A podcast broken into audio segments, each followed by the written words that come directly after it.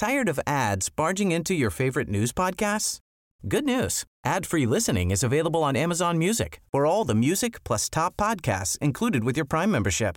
Stay up to date on everything newsworthy by downloading the Amazon Music app for free or go to amazon.com slash news ad free. That's amazon.com slash news ad free to catch up on the latest episodes without the ads. Say hello to a new era of mental health care. Cerebral is here to help you achieve your mental wellness goals with professional therapy and medication management support. 100% online.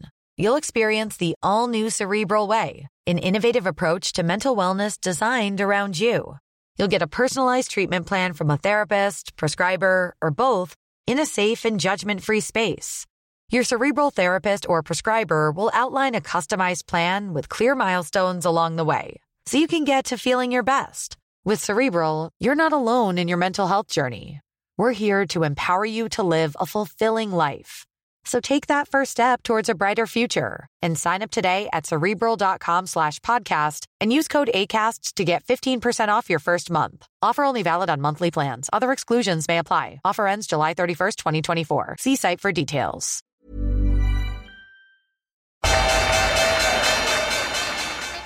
They mistook leverage for genius. Leverage for genius. I would recommend Japan. The governments don't rule the world. Goldman Sachs rules the world.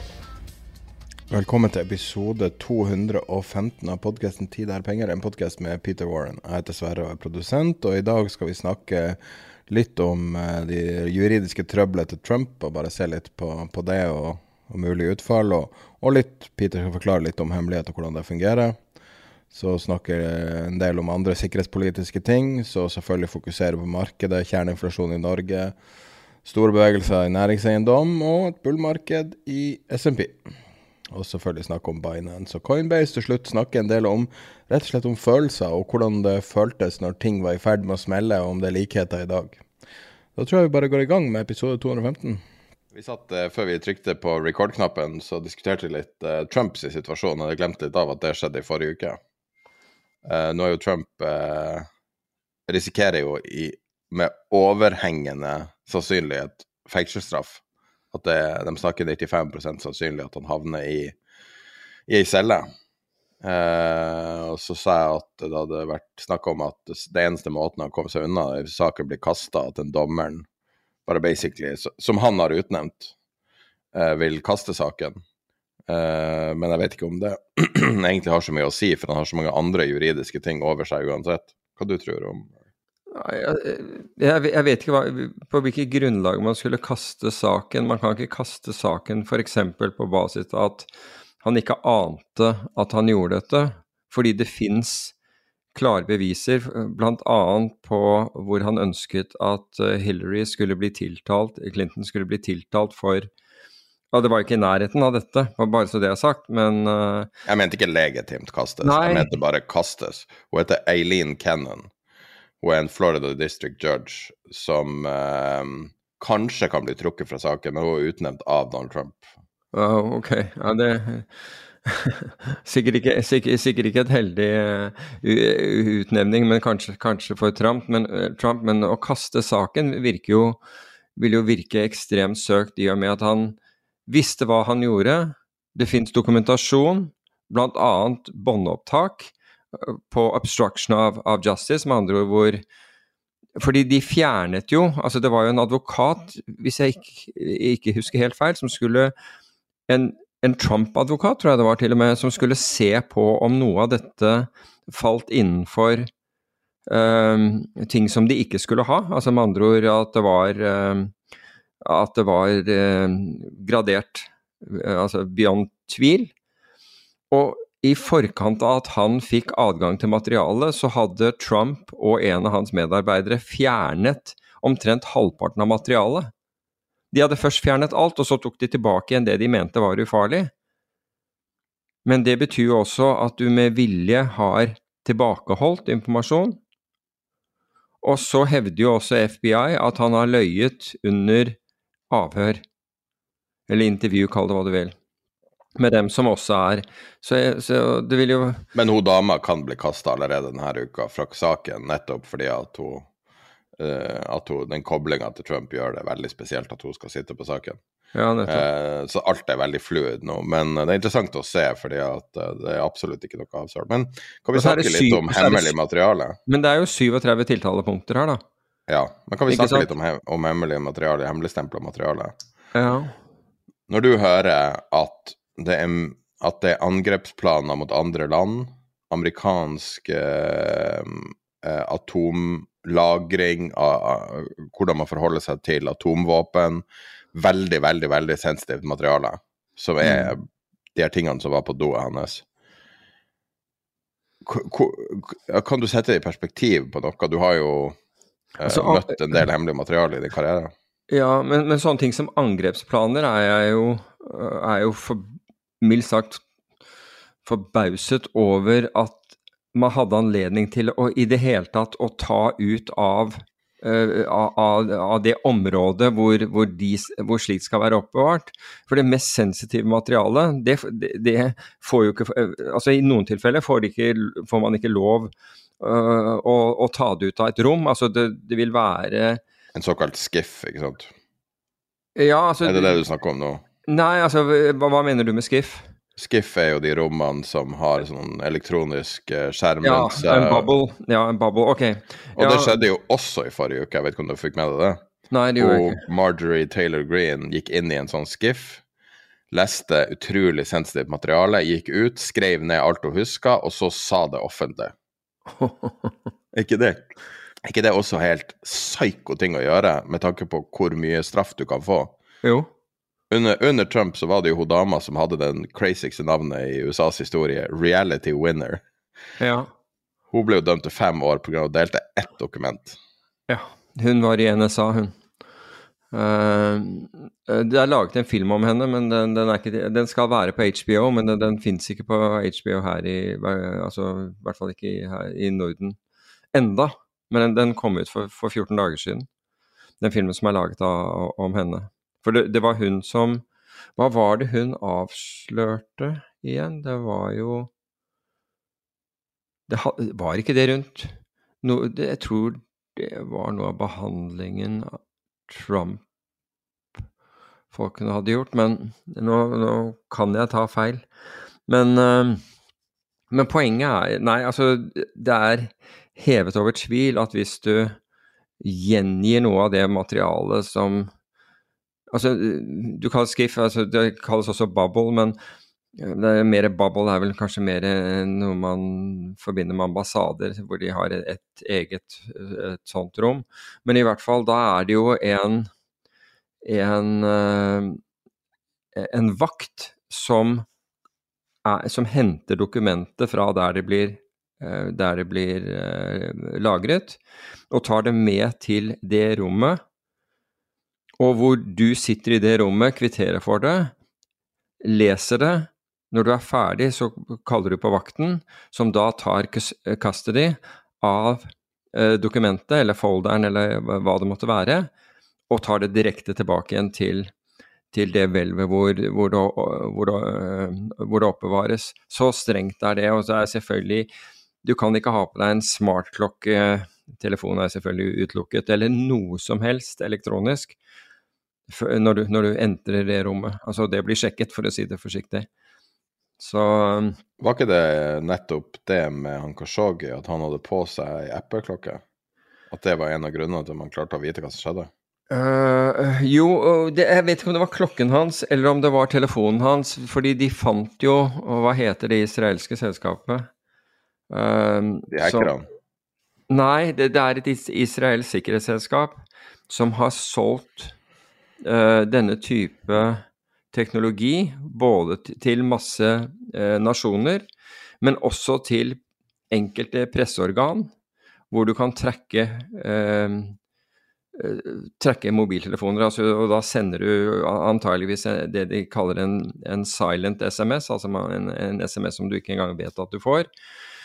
Og så, når den når telefonen din, så, så kan de åpne den og lytte på deg og trekke deg og alt, alt dette her. NSO Group heter den, kommer jeg nå på. NSO Group.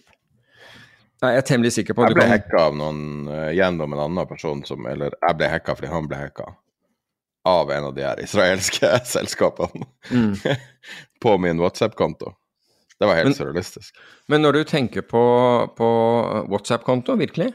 Ja, WhatsApp, eh, det var jo samme som uh, Hans WhatsApp ble hacka pga. bare tøv. Og um, altså, du kan ikke stole på de her tjenestene. Og eh, han hadde årevis med problemer med det der. Og fordi vi hadde chatta, liksom ble jeg dratt inn i det. Det var Men tenk- ingenting, men uh, Men tenk deg Snowden, altså han er jo øh, Var det ikke Trump som ville, ville henrette han hvis de, hvis de ønsket å henrette han hvis de fikk ham tilbake igjen til, til, til USA? Men hadde Trump vært privatperson, så hadde vel dødsstraff vært et alternativ i det her sakene. Ja, det er, ja, uff, ja, det er mulig, det vet jeg ikke. Men, men du kan si at det Snowden gjorde Han avslørte jo at den amerikanske etterretningen, altså den signaletterretningen, NSA, at den avlyttet på amerikanske borgere, hvis, eh, hvilket den ikke hadde lov å gjøre i, i, i, i forhold til loven. Det var det Snowden avslørte, så han avslørte faktisk kriminell atferd hos, eh, hos eh, signaletterretningstjenesten. Og for det så har han blitt jaktet måte, over hele verden. Det var, var, det var på en måte ikke etterretningsproduktet som kom ut, det var det uh, hva, hva de hadde uh, At de drev med, u, med ulovlig innhenting. Det var det dette det gjaldt, som er veldig, veldig forskjellig fra Wikileaks, som blåste eh, amerikanske assets rundt omkring i verden. Altså både, de, altså både de som var de som var amerikanere, kanskje tilknyttet eh, diplomatiet, men deres kontakter også. Så det, det, ut ifra det så, så mistet jo mange mennesker livet.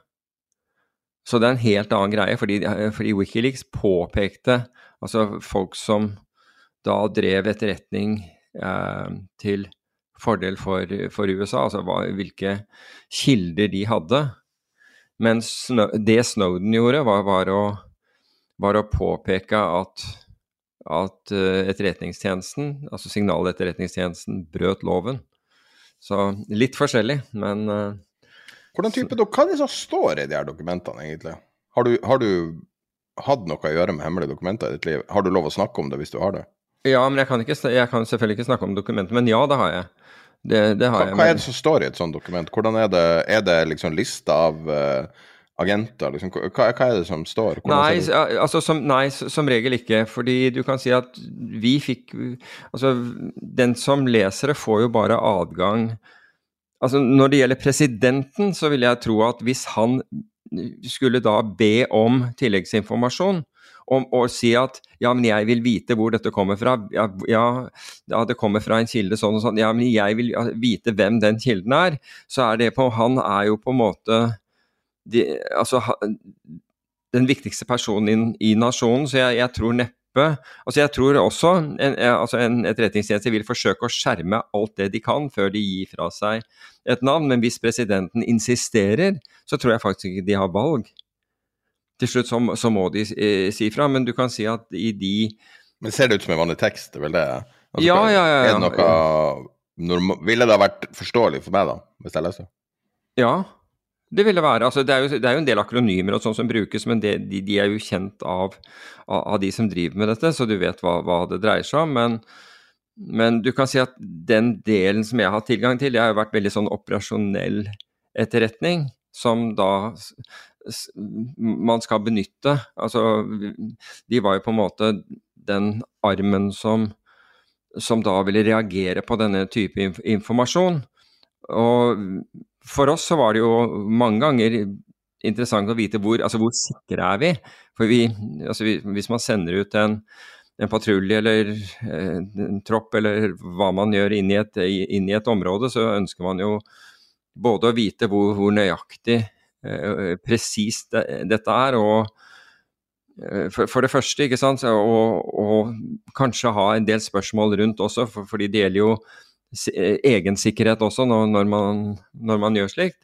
Men det er jo Altså, det, det, produseres jo ekstremt mye etterretning. Ikke sant? Noe er taktisk etterretning, og, og annen er da etterretning på, på et sånn på, på, et, på, et, øvre nivå, et policy-nivå, uh, som Altså, hvis vi går til vi kan jo, altså Det er jo veldig aktuelt, da, i og med at vi har denne 25-7 rapporten, altså den fra, det, fra det, den skytingen i, um, i, i Oslo.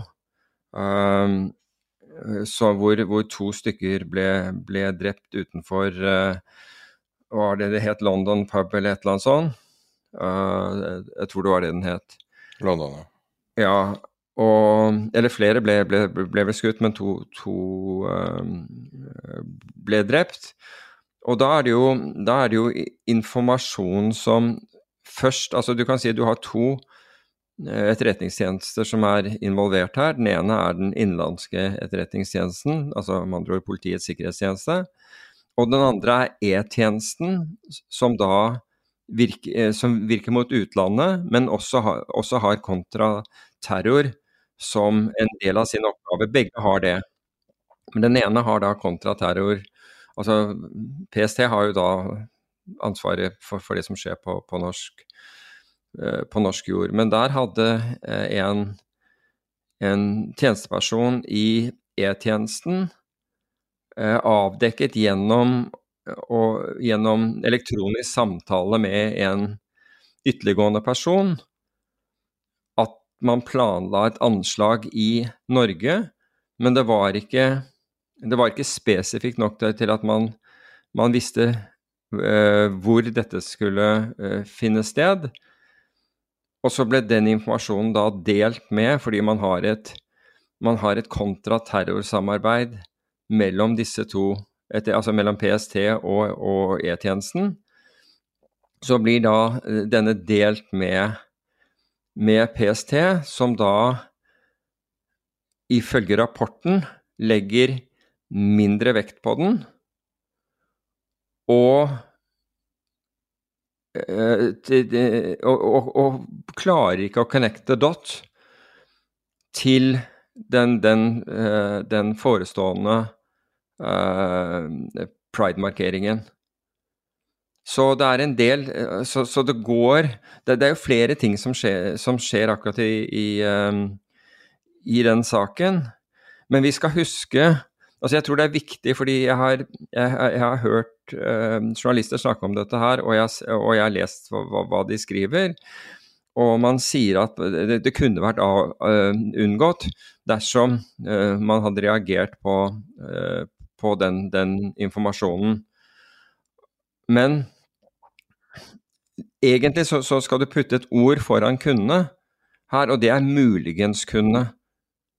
Fordi det er ikke slik at selv om man hadde fulgt opp, øh, fulgt opp den, den, informasjonen som man fikk fra E-tjenesten, så, så måtte man da klare å koble dette til pride markeringen. Og, og muligens, altså i, i etterpåklokskapens lys så virker jo alle sånne ting opplagt, men det kan være at det, det pågikk mange ting eh, på samme tid, men at man ikke klarte da å, å Altså gjerningsmannens relasjon til, til Afram Bhatti, som da eh, poster et, et eh, hva, hva, heter det flagget? Altså, jeg mener ikke å være naiv. Pride-flagget?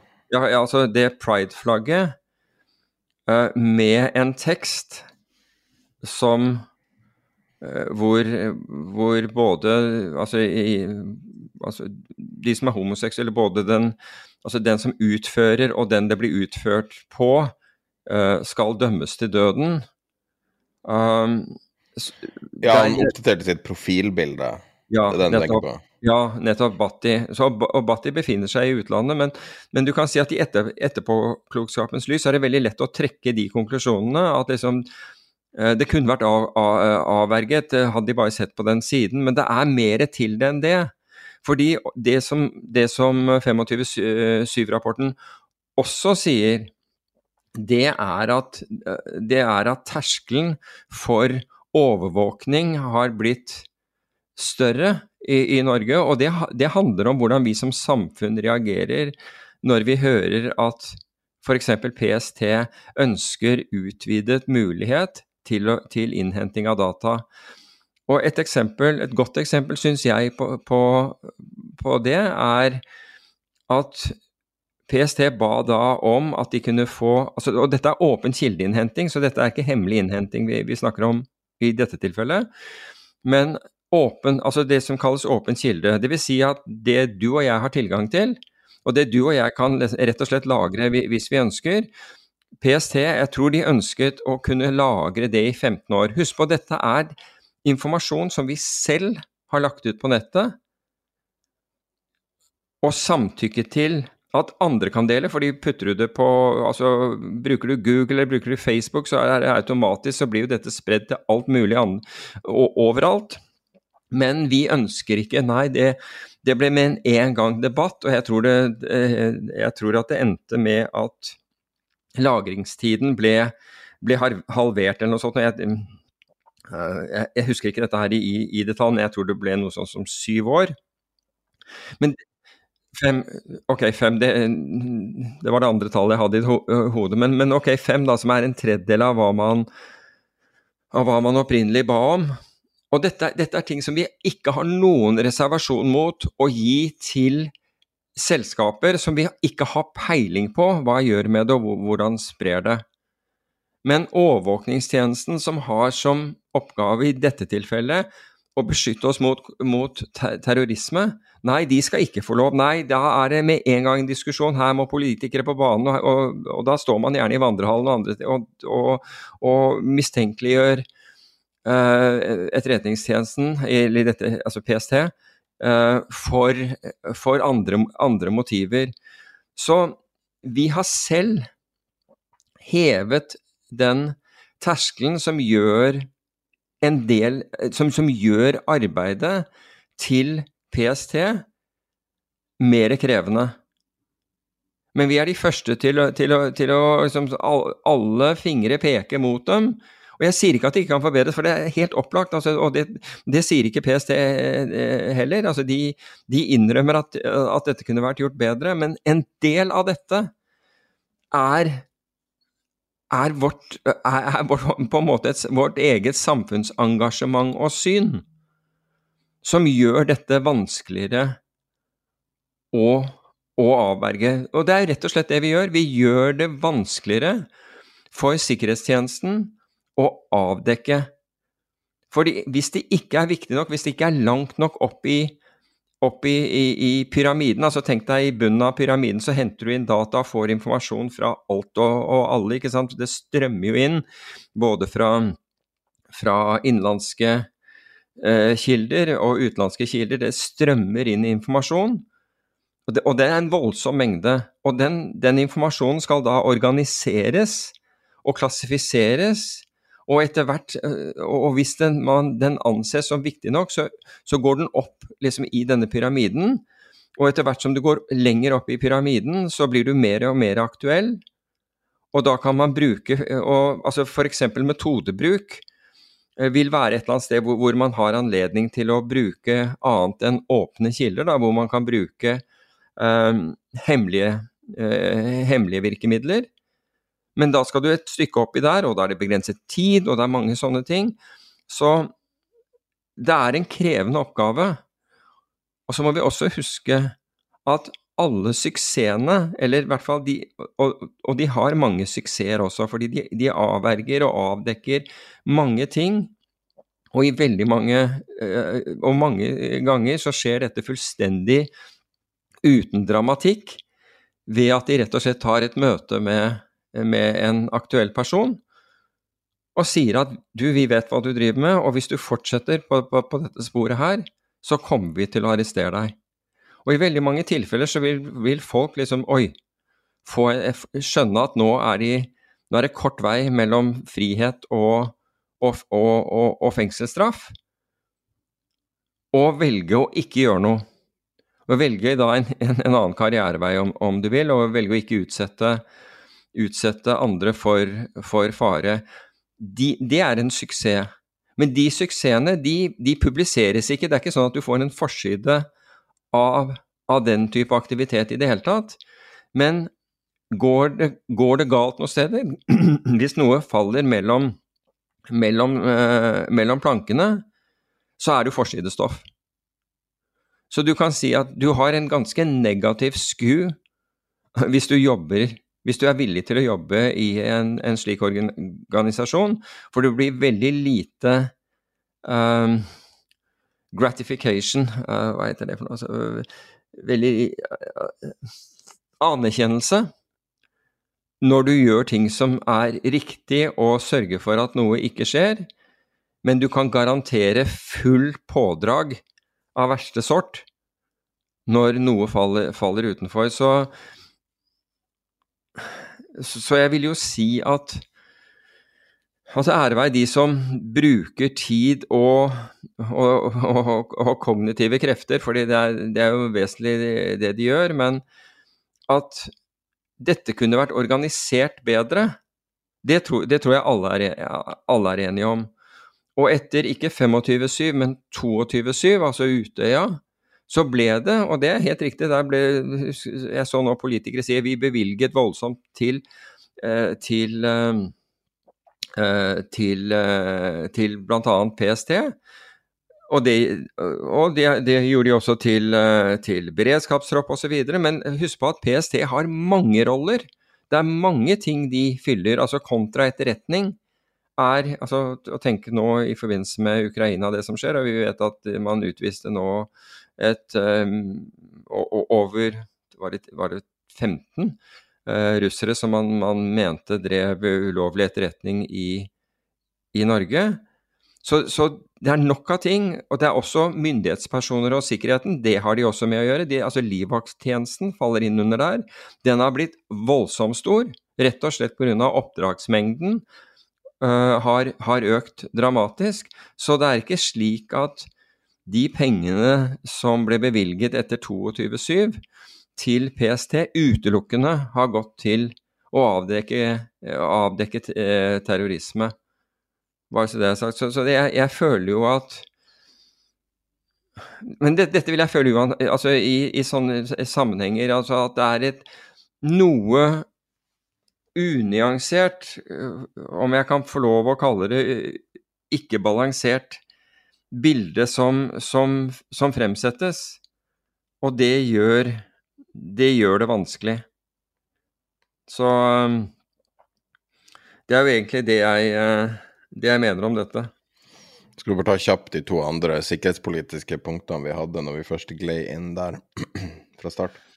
Ja, altså, og det, det, tror jeg Det var vel nyheter som kom i, uh, i forrige uke. Altså det er det at Kina driver og forhandler med Cuba om, om, å opprette en lyttestasjon. Og det er klart at når du har en lyttestasjon som er veldig nær den amerikanske eh, kysten, eh, og veldig nær, nær, nær, Florida, så vekker jo dette bekymring. Uh, og den andre er at uh, tysk etterretning mener da at dette Nord Stream-anslaget ble launchet fra Polen. Det betyr ikke at, at, Polen Jeg har ikke lest resten av, den, men det betyr ikke at Polen var bevisst på at man brukte polsk uh, område til, til å til å, til å, planlegge eller, uh, eller ut, utføre handlinger. Men jeg, jeg, lurer på hva det, det, går i. fordi jeg må jo si at det har jo vært spekulert frem og tilbake, og det ble spekulert på at Ukraina sto bak osv. Men den avdekkingen som Det var NRK, øh, svenske Hva heter det? Hva heter ja vel, det? svensk og dansk TV. Ja, svensk og dansk eh, TV gjorde med ved hjelp av en rekke eksperter og, fulgte, og, og, og, kunne da avdekke hvor en del russiske fartøyer hadde befunnet seg, og, som, som, da drev og krysset over nettopp disse områdene, sikksakket nettopp over områdene med, med kablene, i, i, en periode i forkant. Ja, og etterkant, de filma jo en som lå ja, på et punkt, og ja, i norsk rettssystem så kan du bli dømt på indisia. Ja, men, men poen, Poenget, poenget, mitt er at jeg, jeg, har, altså jeg, har, ikke sett noe som har vært tydeligere enn det på hvem det var som sto bak eh, sprengningen av eh, Nord Stream-kablene. Det, det må jeg si. Men eh, vi får nå se hva som kommer ut av dette. Ja. Nei, benefit of the doubt som russerne har, er vel ganske begrensa. Ja, jeg føler det. Jeg, jeg Nå er vi en halvtime inne i en finanspodkast. Skal vi snakke litt om finans? La oss prøve det. La Mm. oss prøve det. Så um, du hadde eh, litt hendelser siste uke som, eh, Ja. som står ut. F.eks. SMP 500 entrer bullmarked. Norsk kjerneinflasjon begynner for alvor å bli et problem. Eh, næringseiendom viser ytterligere tegn på at, eh, at mange må ta smerten, som du ser i dag med et oppkjøp innen næringseiendom. Så det er en del som skjer. Ja, altså hvis jeg kan knytte en kommentar til, eh, til det siste, så er det det norske selskapet. For jeg regner med at Union er rent norsk, er, tror jeg i hvert fall. Jeg tror det er veldig lange røtter også. Så. Ja, i hvert fall som da gjør dette oppkjøpet i Sverige. Og så tenker du liksom ja, eh, betyr det at, eh, at eh, fallet i verdien på næringseiendom er over? Ja, muligens i Sverige, og, og, og vet du hvorfor? Så, så er det, altså, I Sverige har det falt dramatisk mer enn det har gjort i Norge. Og forskjellen mellom Sverige og Norge på dette området, det er price discovery. Altså svenskene har transaksjoner som forteller hvor markedet faktisk ligger, mens i Norge så har man nærmest avstått fra, fra transaksjoner, og alle prøver å sitte stille i båten og late som ingenting har skjedd. Og Derfor så er det naturlig at Union går til Sverige, hvor de har en høy grad av price discovery eh, på selve verdien, og så regner de da seg frem til at dette vil være attraktive nivåer for dem å in investere. Den samme øvelsen ville være veldig vanskelig i Norge, fordi de, Union er sikkert flinke nok til å ha en klar formening om, om hva et objekt er verdt i Norge, men når de som da eventuelt eier eh, dette objektet, nekter å ta inn over seg at det har vært en nedgang i, i markedet, så blir det ikke noe transaksjon. Så um, Nå er det jo en cashflow her, så å regne reell Ja, ja. verdi er jo lettere enn i, i vanlig eiendom, selvfølgelig. Og eh, du, har, du har en eh, Ser på det som en business case, og aksjen er jo ned nesten 85 fra Ja. toppen i 2021. Sånn at, at det her er på billigsalg, eh, det må det jo nesten være. Eller var det et latterlig overpris? Det er jo vanskelig å si. det, kan, det, kan være, det kan jo være begge deler. Eh, Eller ingen av dem, men vi Mistenker at det er en god deal. Det som Vi regel vet ikke. Altså, jo, men altså, Union er, der, der er flinke folk, så jeg, har ikke noe annet, jeg, jeg tror ikke noe annet enn at de vet hva, hva de gjør, og oppfatter at de får en, uh, at de får en god, god deal. Så kan du si at hvis det er, hvis det er så billig, hvorfor er, hvorfor er svenskene villige til å, å selge? Og det er fordi de kan være i en stresset økonomisk uh, situasjon, rett og slett. Så, Når det kommer til eiendom og bil, så føler jeg at det finnes nesten ikke gode kjøp. Med mindre du klarer å liksom virkelig finne en person som ikke gidder å putte energien i det.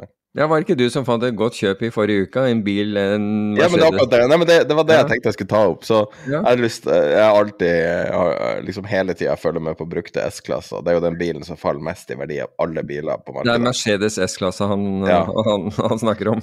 Så Eh, så, så det er den bilen som faller mest i verdi av alle sammen, uansett om det er i Norge eller i andre land, fordi at verditapet er så stort. wow.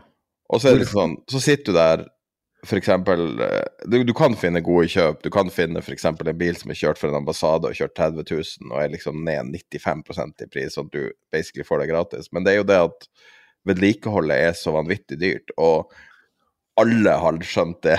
Den er på den harde måten, og prisen er ikke tilfeldigvis lav. Den er akkurat der den burde være. Okay. Og jeg har inntrykk av at eiendom er litt det samme. Det er så, det er så mye på en måte uformell price discovery, selv om man ikke har en børs, at man får ganske riktig prising av de tingene. Unntaket er jo hvis det er uavklarte risikoer. Uh, men, men jeg syns det er interessant å, å se på det sånn at det fins nesten ikke gode kjøp i eiendom og, og bil.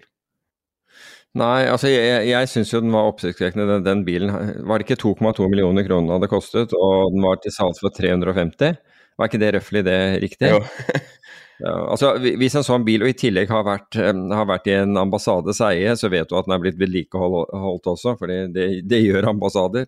Um, det, det, skal ikke stoppe, kan ikke stoppe langs veikanten med ambassadøren om bord. Det, det ville passe seg veldig dårlig. Uh, også av sikkerhetsmessige grunner. Men uh, ja, For det er en sånn, en sånn evig attraktiv del, da. Ja, altså, så har jeg, verden gått videre også siden de her uh, byggeårene. Og, altså, verden har jo endra seg mye. Bilparken har endra seg. Hva folk forventer biler har endra seg. Mm. Så jeg syns bare det er interessant å tenke på er den egentlig billig, eller er den akkurat prisa der den burde være?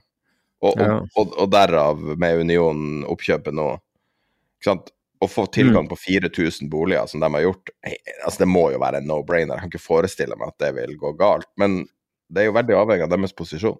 Ja, det er famous last words. Jeg kan ikke forestille meg at dette går gærent. Men uh, nei, altså jeg tror at Union er flink, er, er flink og Schumann er jo leg legendarisk eh, skarp, så jeg tror nok han klarer seg helt fint. Helt, helt sikkert. Men, uh, men øvrig, da, hvis vi ser på, på det, det som skjedde i forrige uke Du nevnte jo at SMP 500 er bull market, og, mens verdensindeksen er langt fra det. Men Nasdaq er jo opp mye, altså har jo vært opp over 20% lenge. altså Den er jo opp 30% og du har Nikkei-indeksen i Japan er opp 25% 33 år high, tror jeg var i går. på, på Nikkei. Ja. Ja, det kan nok eh, Det kan nok stemme. Jeg så bare en flash eh, rett før jeg Ja. sovna. I går var det vel neppe, men det må, enten var det fredag eller så måtte det vært i dag morges, tenker jeg. Men, eh, og ikke i går.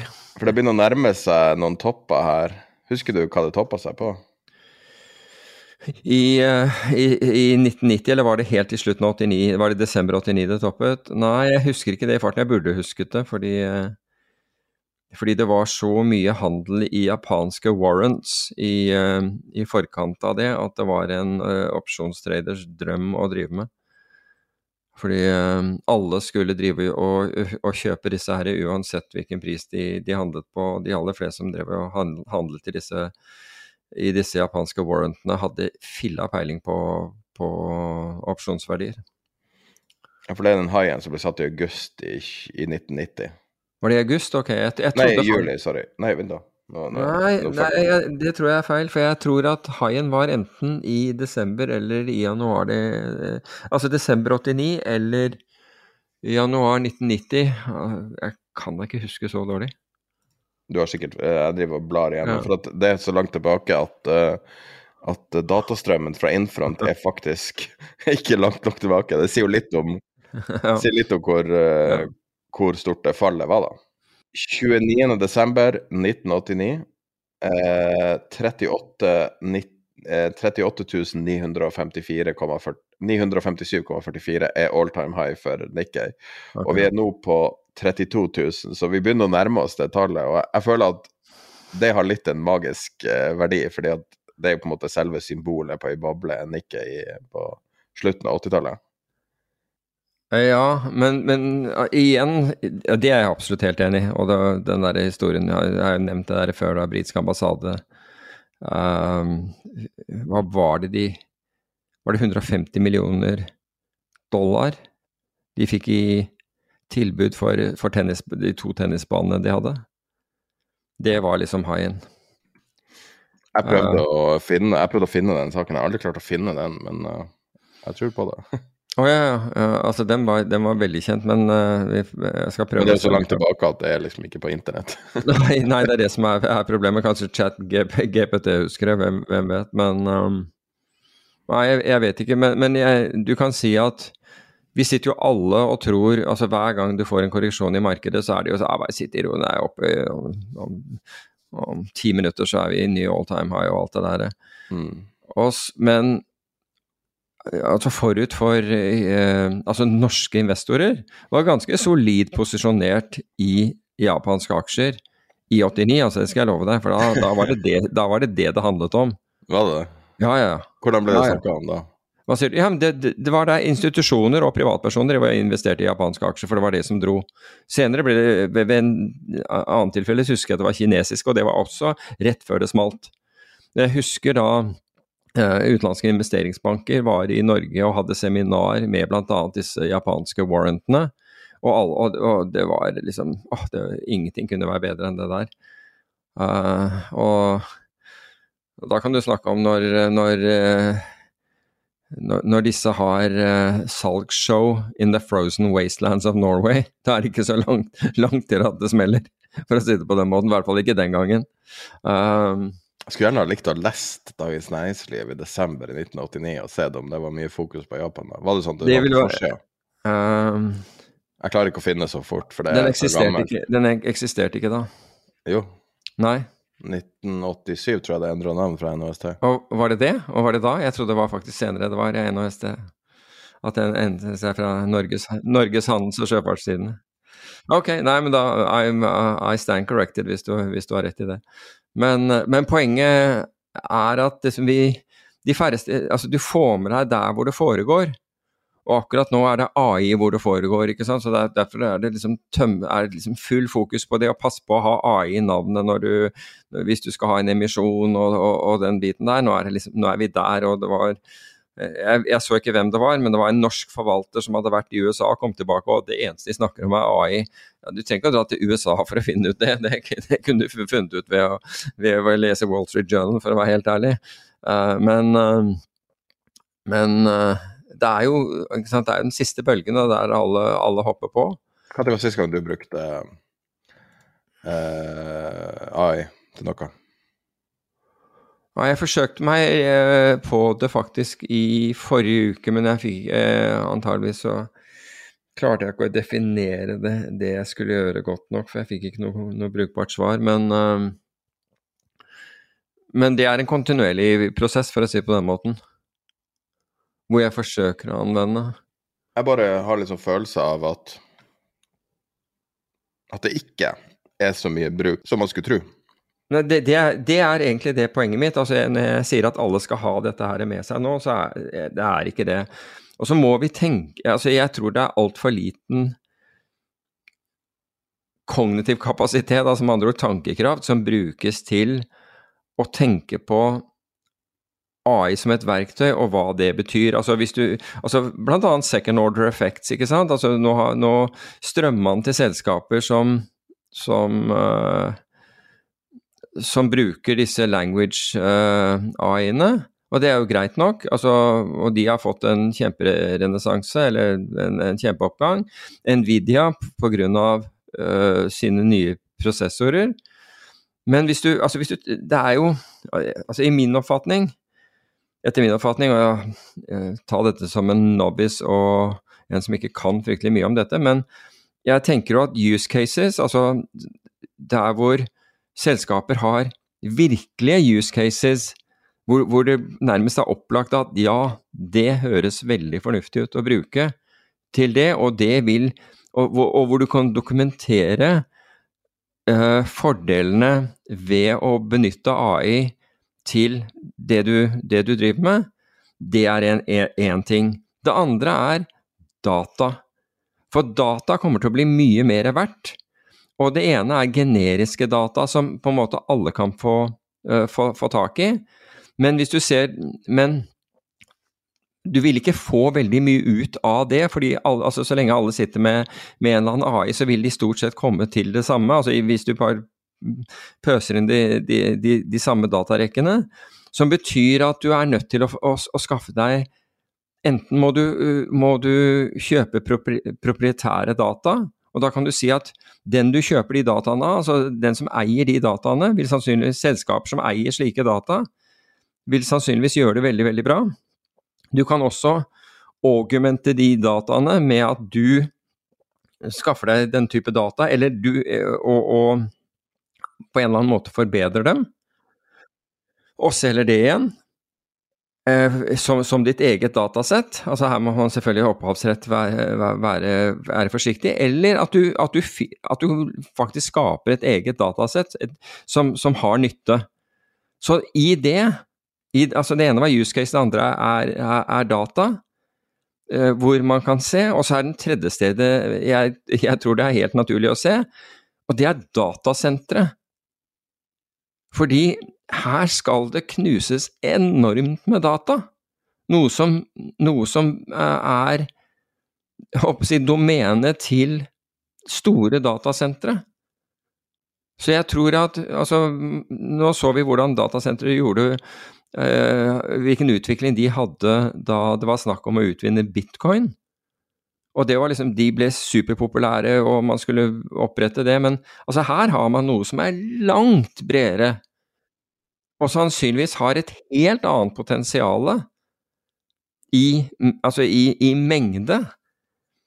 Så jeg tror at det er, et, det er absolutt et område man burde se på. Men altså, jeg tenker jo at hvis vi snakker med en forvalter av et teknologifond, så vil de typisk kunne gi oss en, en mye bedre oversikt.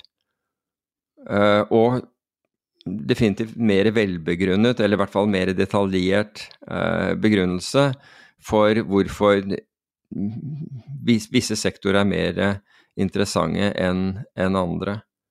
Og så har du jo selvfølgelig hvis du har svære datasentre, la oss si at man skal opprette massevis av datasentre, da vet du hva, hva, hva, man trenger for å drive de, og da trenger du strøm.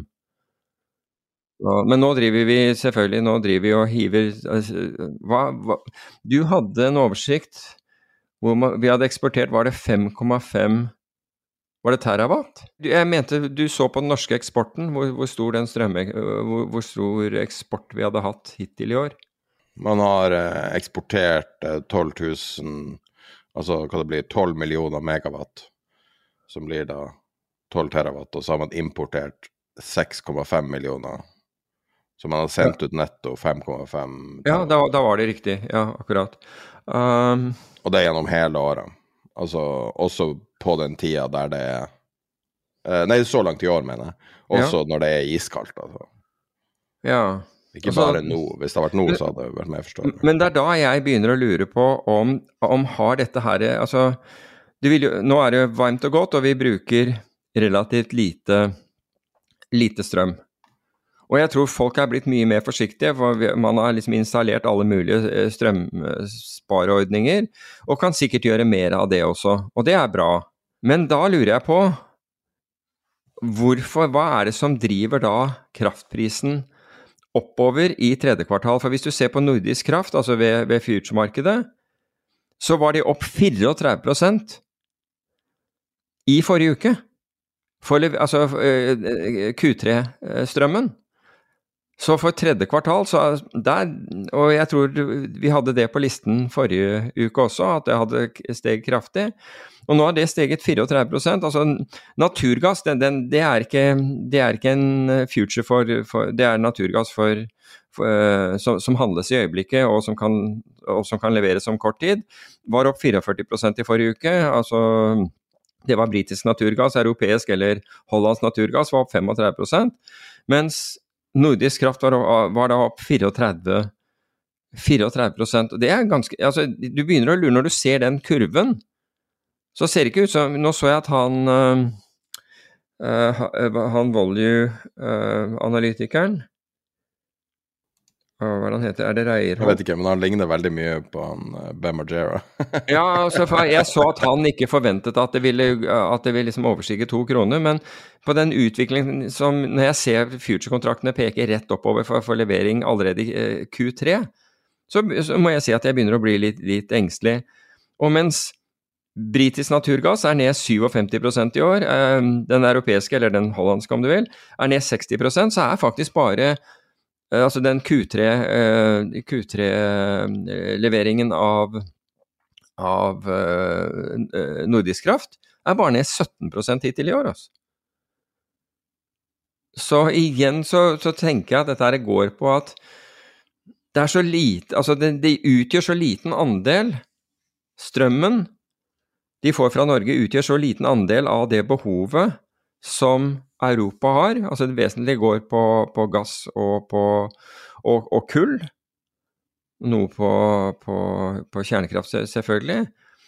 At, at, det blir en mye mer tilfeldig prising av altså, Det spiller ingen rolle. Det er de siste fem prosentene hva vi gir for det. det I det hele regnestykket så, så, så, blir det noe på andre desimal.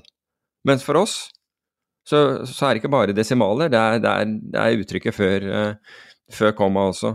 Så Ingen har liksom arrestert meg på det, bare, bare så det er sagt, så det, det er for så vidt interessant. Hvis vi ellers ser på forrige uke, da, så blaste Tesla opp ytterligere 14% Hva var det som lå forut for den der åpningen på hvor det lå an til at den skulle åpne opp 7,5% var det, det var vel på Jo, det var på fredag. Jeg drev faktisk og lurte og vurderte De hadde ops, opsjonsforfall på fredag, slik at det var null uh, days to expiry option da, så, som handlet. Altså det var en lengre kontrakt som da hadde bare én dag igjen. Jeg drev og lurte på den inntil en kollega av meg gjorde meg oppmerksom på at det var at det er eh, de, uh, de opsjonene er av amerikansk uh, type. Med andre ord at de kan innløses. Slik at hvis du gjør noe der, så kan du plutselig risikere at du blir enten short eller long selve aksjen ved, ved, en, ved en, en, tidlig innløsning. Og en tidlig innløsning ville jo være at innløseren Altså, de kunne innløse den når som helst i løpet av, av, den siste dagen. De kunne innløse den før også, bare så det er sagt, men, uh, men, det fikk meg fra å ikke gjøre noe der. Men hva var, hva var uh, kausaliteten bak den, den, poppen der på, på, fredag? På spørsmål fra deg så gikk jeg inn og sjekka, og det så ikke ut som ingen, ingen egentlig visste hva det var. Nei, det var jo merkelig, liksom, med, med en sånn Momentum er veldig pro Tesla. Oh, ja. Så eh, sannsynligvis er det en ny modell som trigger det. Men, men tidligere historisk sett, så når det gjelder de her høybeta-aksjene, så trenger det ikke alltid å være direkte nyhetsevent. Ofte er det nok at, at det er noe hint av, eh, av uh, potensialet der. Altså om det er Nvidia, eller om det er Tesla, eller om det er Galaxy. Okay. Så det er mye momentum der, fordi at okay. det er ytterst på risken. Så det, jeg er ikke helt sikker på hva det var. Galaxy var for øvrig ned 19 i, i, i, forrige uke, sikkert i forbindelse med Ja. Skal vi snakke om Binance og Coinbase?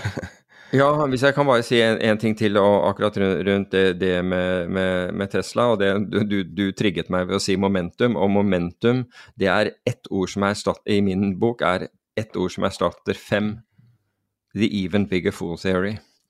Uh, fordi altså når, når vi når vi ikke klarer å finne annen grunn til at noe stiger, og så, så er det en som ja, det er, det er, momentum. Det betyr for ja, altså, meg kan du selvfølgelig si at det var en avtale med Ford om noe, la, noe ja, det med ladingen, ja. men det er jo småpenger, ikke sant? Nei, en annen ting er at det, det, det, lå jo i kortene. for Det har jo vært diskutert eh, i hvert fall noen uker nå hvor, eh, hvor Musk sa at han ville gjøre laderne sine tilgjengelig for andre bilmerker enn enn Tesla. Så, så, jeg føler ikke at det der var, var, den store overraskelsen. Men la oss gå til uh, Binance Coinbase-biten, da. Ja. Nei, så det var jo dramatikk i uh, øverste orden forrige uke når uh, Binance og Coinbase med en dags mellomrom begge ble saksøkt av amerikanske finanstilsynet. Um, det de har gjort, er jo det alle har sett de har gjort. Og de har drevet en en eh, markedsplass og alt mulig. De har solgt verdipapirer uten lisens. Og eh, det virker som at SEC har ganske sterk sak. Så det man lurer på nå, er om det blir, et, eh, om det blir en sak, eller om det da blir eh, et forlik av et eller annet slag. Men saken mot Coinbase er veldig forskjellig fra saken mot uh, Binance, sånn som jeg oppfattet den. Okay. Ja, altså Jeg har inntrykk av at den er mye mer eh, alvorlig mot fordi altså Coinbase har jo drevet på, på amerikansk jord, det, det, er jo greit nok. Men det SEC hevder, er jo at Binance har, har gjort, uh, drevet med ting på amerikansk jord som de hadde ingen rett til å drive med. Um, og, har, og, og, har, forsøkt å, å, å, på en måte skjule det. Så, så jeg, jeg, jeg, føler jo at den den er, eh, er, er, mer alvorlig. Er sikkert alvorlig nok for, for Coinbase også. Etter å, etter å, ha hørt Cathy Wood på intervjuet, jeg mener at det var uh, eh, CNBC, så må jeg jo si at det, uh, at, det ga meg ikke mye tillit, for å si det. For det, det intervjuet, når hun ble spurt, spurt om, om, dette, fordi de er jo en av de, altså ARK er vel en av de største investorene i, uh, i Coinbase. Så, det var ikke tillitvekkende å høre hennes bortforklaringer på hva, hva som foregikk. Altså, for det første så var det nesten umulig å for, forstå hva hun mente. Det er en annen tak. Annet enn at hun Det var tydelig at hun mente at alt var greit for, for, for uh, Coinbase sin del. Men Grayscale, da, denne, denne, trusten som er som en ETF, bortsett fra at du ikke har muligheten til å, å selge å kjøpe når, når, du vil. Altså du blir sittende permanente penger, holdt jeg på å si. Den var ned 6% i, i forrige uke. Mens uh, til, og med, til, og med, den AI uh, AI-ETF-en tok en pause på, på beskjedne, for all del, 0,7 uh, mens eh, den er, den er, opp 32% i år, så man skal, ikke, man skal ikke kimse av den. For øvrig, det, det, store som skjedde i forrige uke, og som, og som sånn statistisk ikke har skjedd på, på, på lang, lang tid, det var bevegelsen mellom Russell og SMP, altså Russell 2000, altså 2000 de, de, de, er jo hva skal vi kalle det, altså mindre selskaper.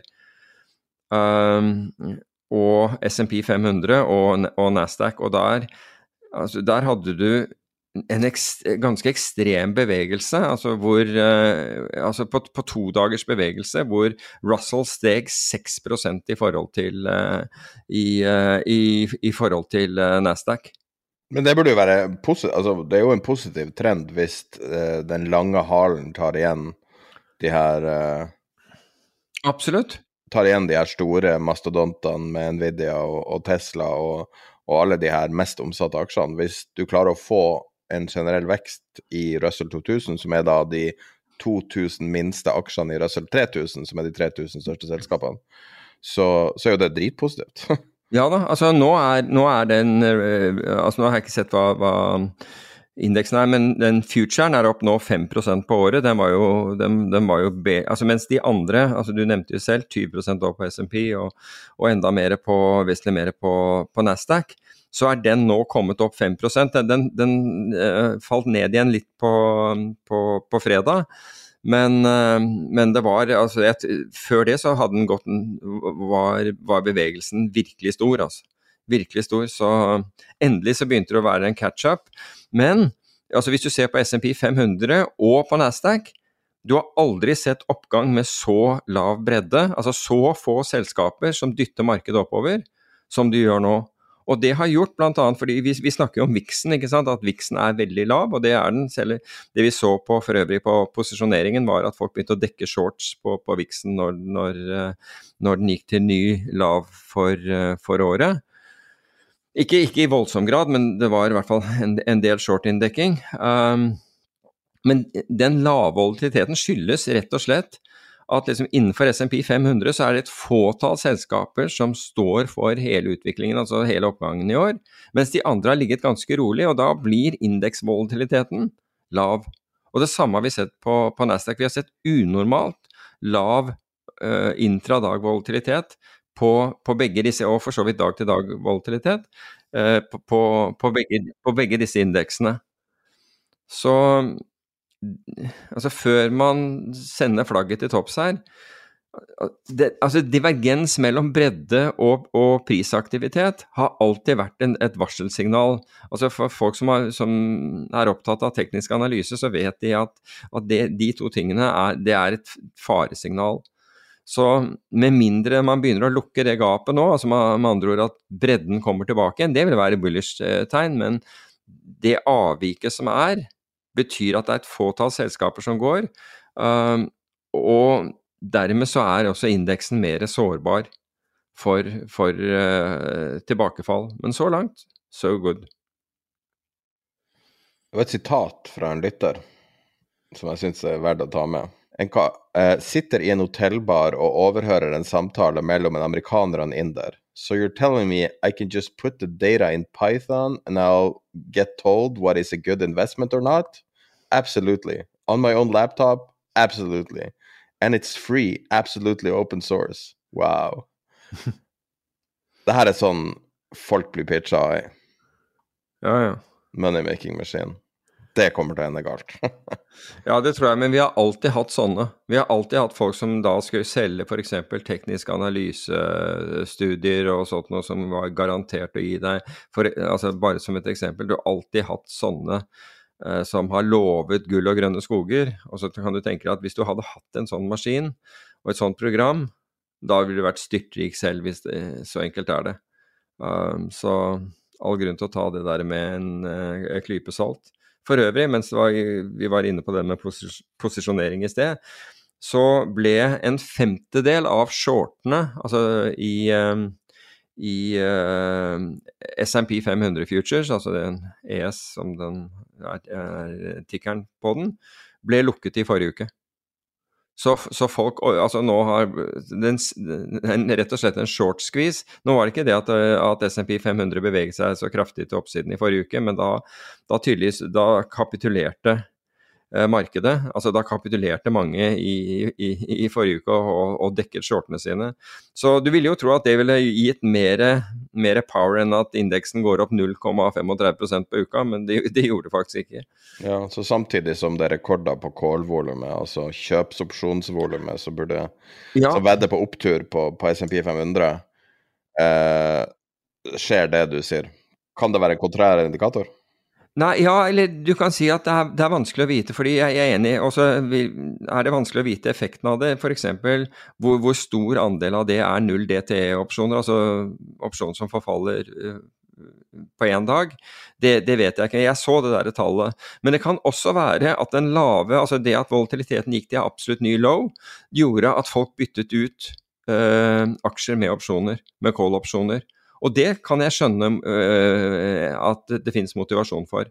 For når, uh, når volatiliteten på, på, opsjoner er kommet så lavt, og du tenker at markedet ser litt strukket ut, har, nå har det gått mye, det, og, og, du får kjøpt opsjoner på billigsalg, så er det ganske fristende å kjøpe de opsjonene og, se, og, og selge aksjene. F.eks. du har Eh, du, du, sitter på 100 000 aksjer, og, og så isteden så sier du ok, jeg kjøper, jeg kjøper, opsjoner på 100 000 aksjer, og så selger jeg så selger, samtidig selger jeg aksjene. Så, så, er jeg med hvis det fortsetter å gå til oppsiden, men, har, men nedsiden min er bare den premien jeg, jeg betaler. QQQ, altså den ETF-en som er handelbar av Nasdaq, mm. er opp 33% i år. Ja. Husker du hva strateger, analytikere, meglerhus, investeringsbanker sa før inngang, altså på inngangen til året? Nei, ikke spesielt om, om Nasdaq. Men, jeg mener å eh, huske at de spådde nedtur. Det var de første negative inngangen på et år jeg kan huske. Kanskje siden 2009. Altså, teknologi, teknologi var, jo, var, jo, ikke Altså, det hadde jo skjedd for, for så vidt no, noen ting der, men uh, men etter et, eh, etter et, veldig negativt år, så er det veldig få ganger hvor, hvor, du ser at ikke folk rett og slett sier ja, nå skal det videre ned. Det er ikke så mange som sier at nå er det billig, let's go and buy. Liksom. Det er jo ikke det. Jeg mener vi husker vi snakka om at hvor uvanlig det var med negative eh, estimater for, for året. og det er, det er, typisk, altså. Ja det, var, ja det, var, ikke akkurat noe dramatikk i, i, i forrige uke i Nasdaq heller. Den, jeg tror den var ned 0,13% så det var så mens, uh, mens uh, Nasdaq og SMP sto stille, så, så gainet, uh, gainet, Russell. Så, det er bare vanskelig å, det er vanskelig å spå framtida. Uansett hvor altså, nært, fjernt. Det er rett og slett veldig vanskelig, og det er vanskelig å vite hvem du kan stole på. når du har lyst til å bli negativ, så kanskje du burde bli positiv. Kanskje året nå vil snu. Mm. et sterkt start på året kan jo være et svak slutten på året, f.eks. Nå har vi jo fått en uh, alvorlig uh, one-two pga. Uh, um, at, at renta kanskje må stige ved ytterligere. Og... Ja, norske kronen har vi ikke snakket om, og det bør vi kanskje gjøre. fordi da, der, der kom inflasjonstallene. Og der, der ble jammen ekspertene ordentlig overrasket. Fordi ingen av dem, og som jeg skrev på Twitter, ingen av dem kunne ha, kunne ha vært i eh, Tydeligvis driver og, og, handler selv, altså går i butikken selv. For da hadde du gått i butikken, så hadde du sett at prisene stiger kraftig, og har steget kraftig. Uh, og hadde du fulgt med på krona, så hadde du visst at kronen svekket seg kraftig. Hadde svekket seg kraftig, så jeg kan for mitt liv ikke forstå de som sier at nei, nå ble jeg jammen overrasket. Og Jeg hørte, hørte statsministeren sa at liksom de, de, mente jo at dette, deres eksperter hadde sagt på begynnelsen av året at det skulle være, være ca. 3% inflasjon. Det er, det er ganske stort gap, føler jeg, når du er på 6,7. Um, så jeg, jeg, vet ikke hva som er galt med, med ekspertene. Men det positive ut av dette, bare, bare, for å ta det, det er jo at kronen da, da styrker seg. Eh, med godt over 2% i forhold, til, i forhold til dollaren i kjølvannet av dette her. Og hvorfor? Jo, rett og slett fordi svekkelsen av kronen Altså når, når, du nå endelig ser tallene og sier 'oi, nå ble jeg overrasket', så forventer markedet at man gjør noe med, med, saken, at man tar dette på alvor. For til nå så har man sagt at nei, jeg aner ikke hvorfor den svekker seg, kanskje det er noen rentedifferanser eller noe sånt, ingen peiling. Det er ingen som, ingen som skjønner valuta. Det, er liksom den holdningen man har hatt, og da har antageligvis utlendinger og andre sagt at ah, ok, dette skal videre ned.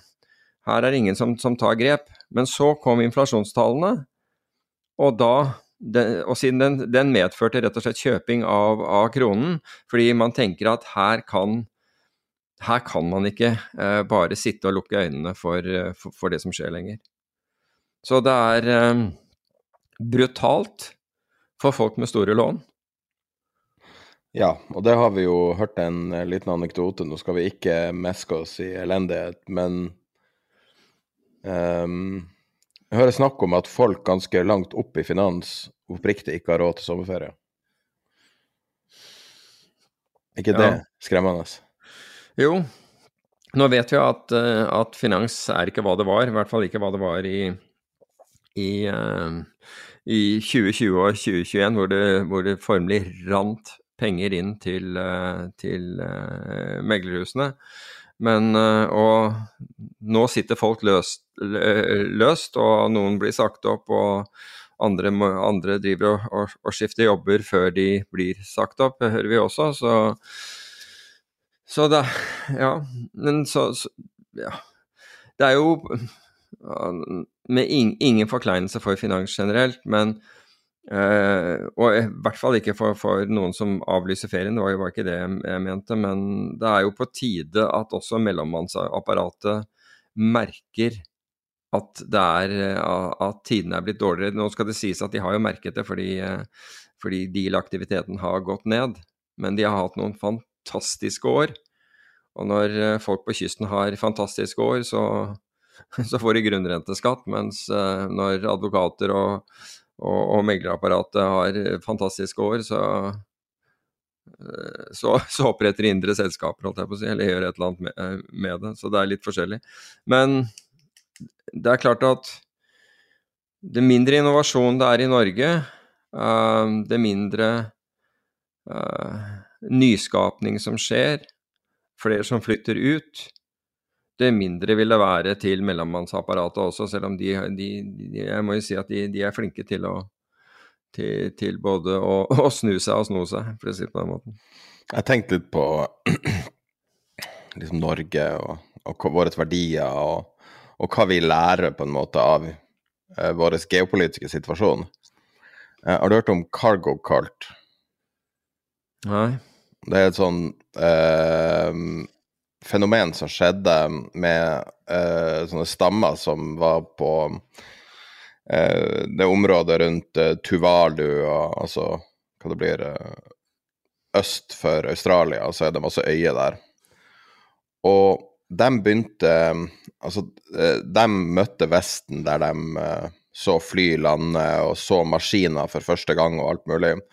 Polynesia? Ja, og trodde det her var på en måte overnaturlig. altså De trodde det var Gud. Så de begynte å dyrke de her tingene. De begynte å dyrke parabolantennene og begynte å dyrke uh, de her tingene de hadde sett, som var så fantastisk. Og som da ble tatt fra dem igjen, for det ble flydd bort. altså Det var jo bare Altså Det var jo bokstavelig talt ting som var lasta om bord på fly og alt mulig, så ting flyttes rundt. Og de begynte å dyrke det, fordi at, og det er ikke fordi de var dumme, det var at de visste ikke bedre, de responderte på det de så. ikke sant? Så de så eh, teknologi og, og, tenkte at uh, det her må være en gave fra Gud, og så da begynte de å hate dem som tok det bort fordi at de stjelte den gaven fra Gud. Jeg tenkte litt på Norge, altså hvordan Norge er bygd opp. Vi er det eneste landet som straffer vekst. Altså, hvorfor er det liksom det er, en, Vi er fem land, OECD-land som har formuesskatt, men Norge er det eneste landet som regelrett går ut etter å prøve å straffe vekst.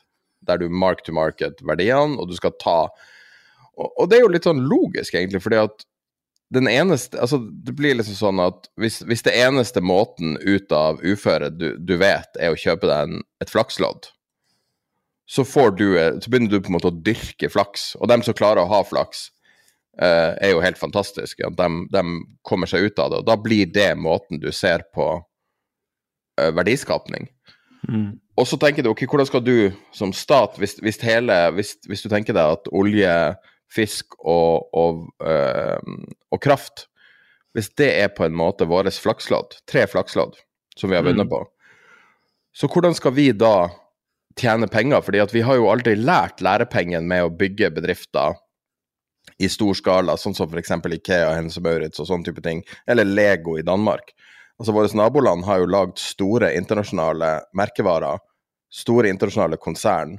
Du har Mersk, Mersk i eh, Danmark, og du har utallige selskaper som kommer ut av fra Sverige som er verdensledende. Og det er ikke så veldig rart at vi straffer, for vi er på en måte en cargo cult. Vi sitter her og har aldri fått lærepengene som våre naboland fikk, fordi at vi hadde så sinnssyk flaks. Og da er det jo faktisk logisk å si at hvis du har flaks, så må du dele med alle.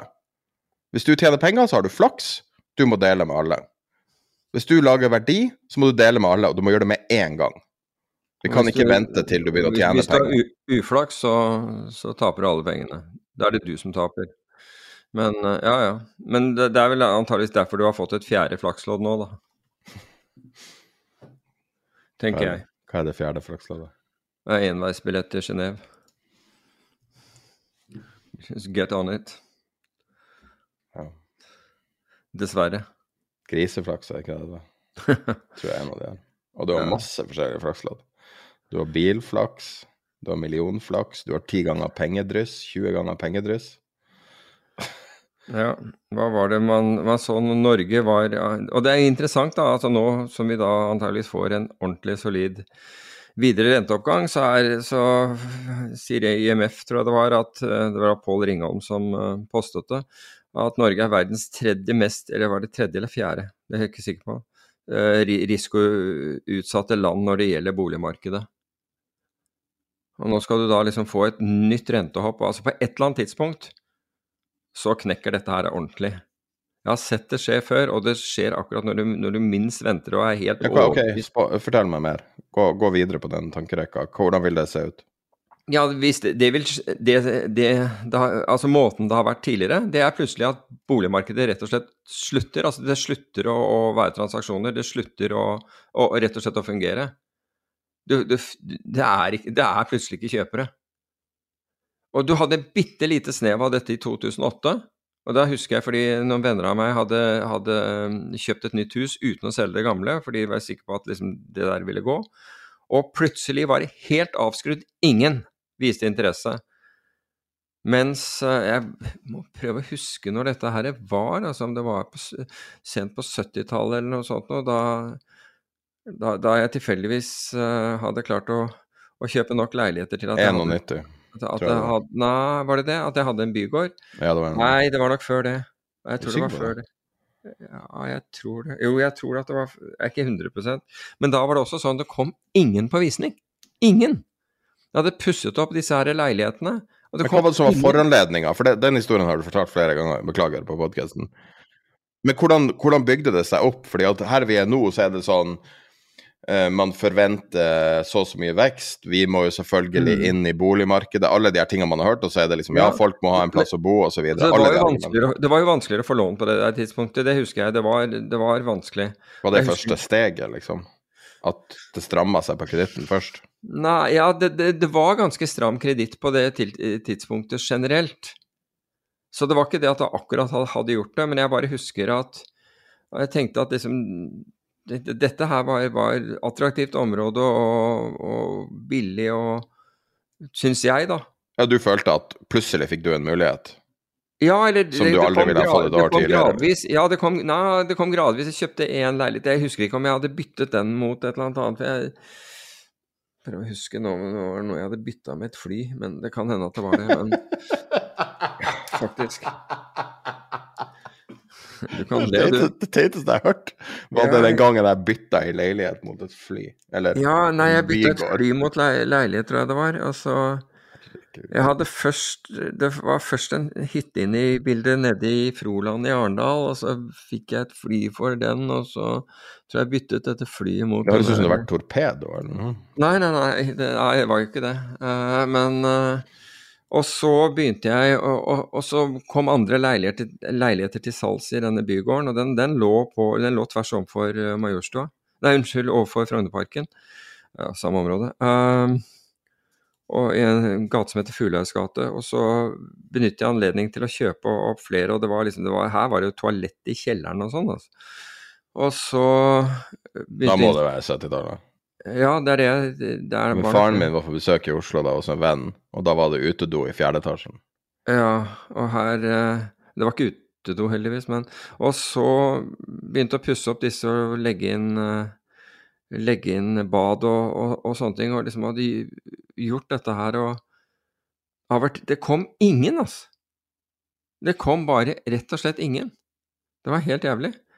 Og, men det samme var for så vidt når jeg kjøpte eh, der jeg bor nå også. Da, det var jo i 80, sent i 87.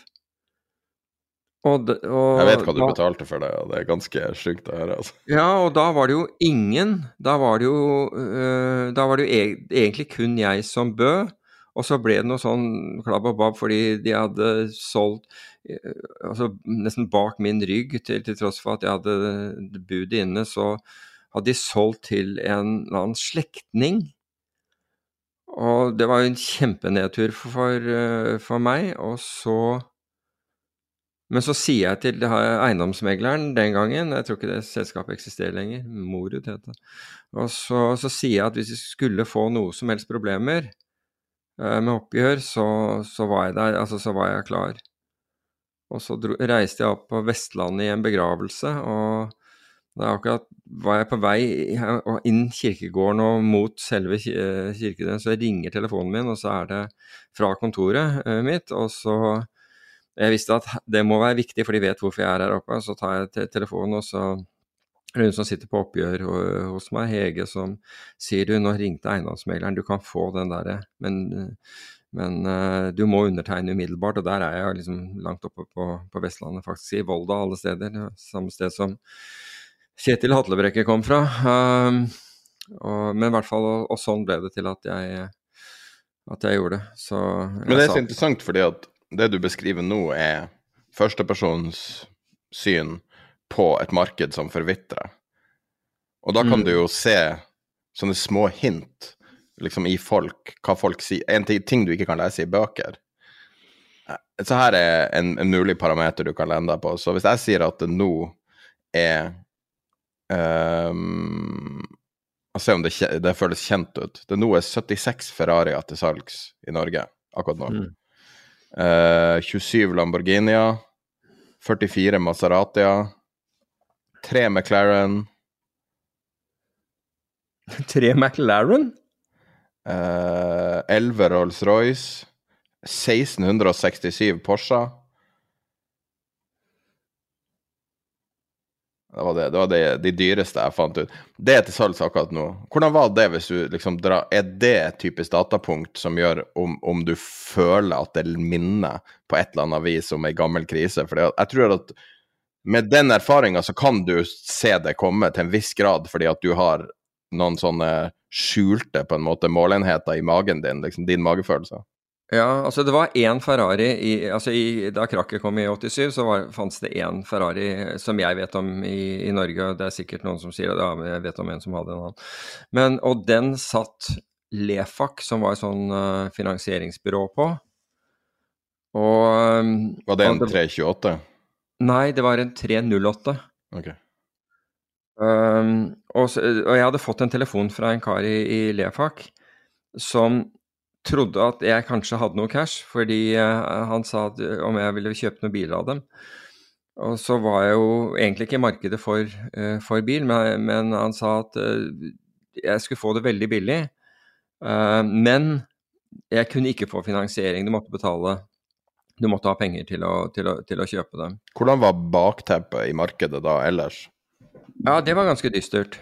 Så det her var liksom etter uh, Black Monday? Ja. Ja, ja, ja, ja. Det var uh, noen måneder etter det. Og så dro jeg ned der. De lå helt nederst i Rådhusgaten, på, på venstre hånd ned, mot liksom uh, siste kvartal der. Og nede i garasjen der så var det mye bra biler. Og jeg kjøpte noen av dem, Men der sto den 308-en. Og jeg hadde så lyst til å, til å, kjøpe den, men jeg tenkte at den Altså, den Det er ingen som går, kjøper en sånn en nå. Altså, den jeg, jeg, tenkte det var for farlig å rett og slett eh, kjøpe den. Eh, men jeg kjøpte noen andre biler av dem, da, som eh, og, og, de snudde jeg jo ut igjen etter Altså, det var ikke noe sånn bråhast på, på å selge dem igjen. Jeg ble sittende på dem en stund, og så solgte jeg de ut.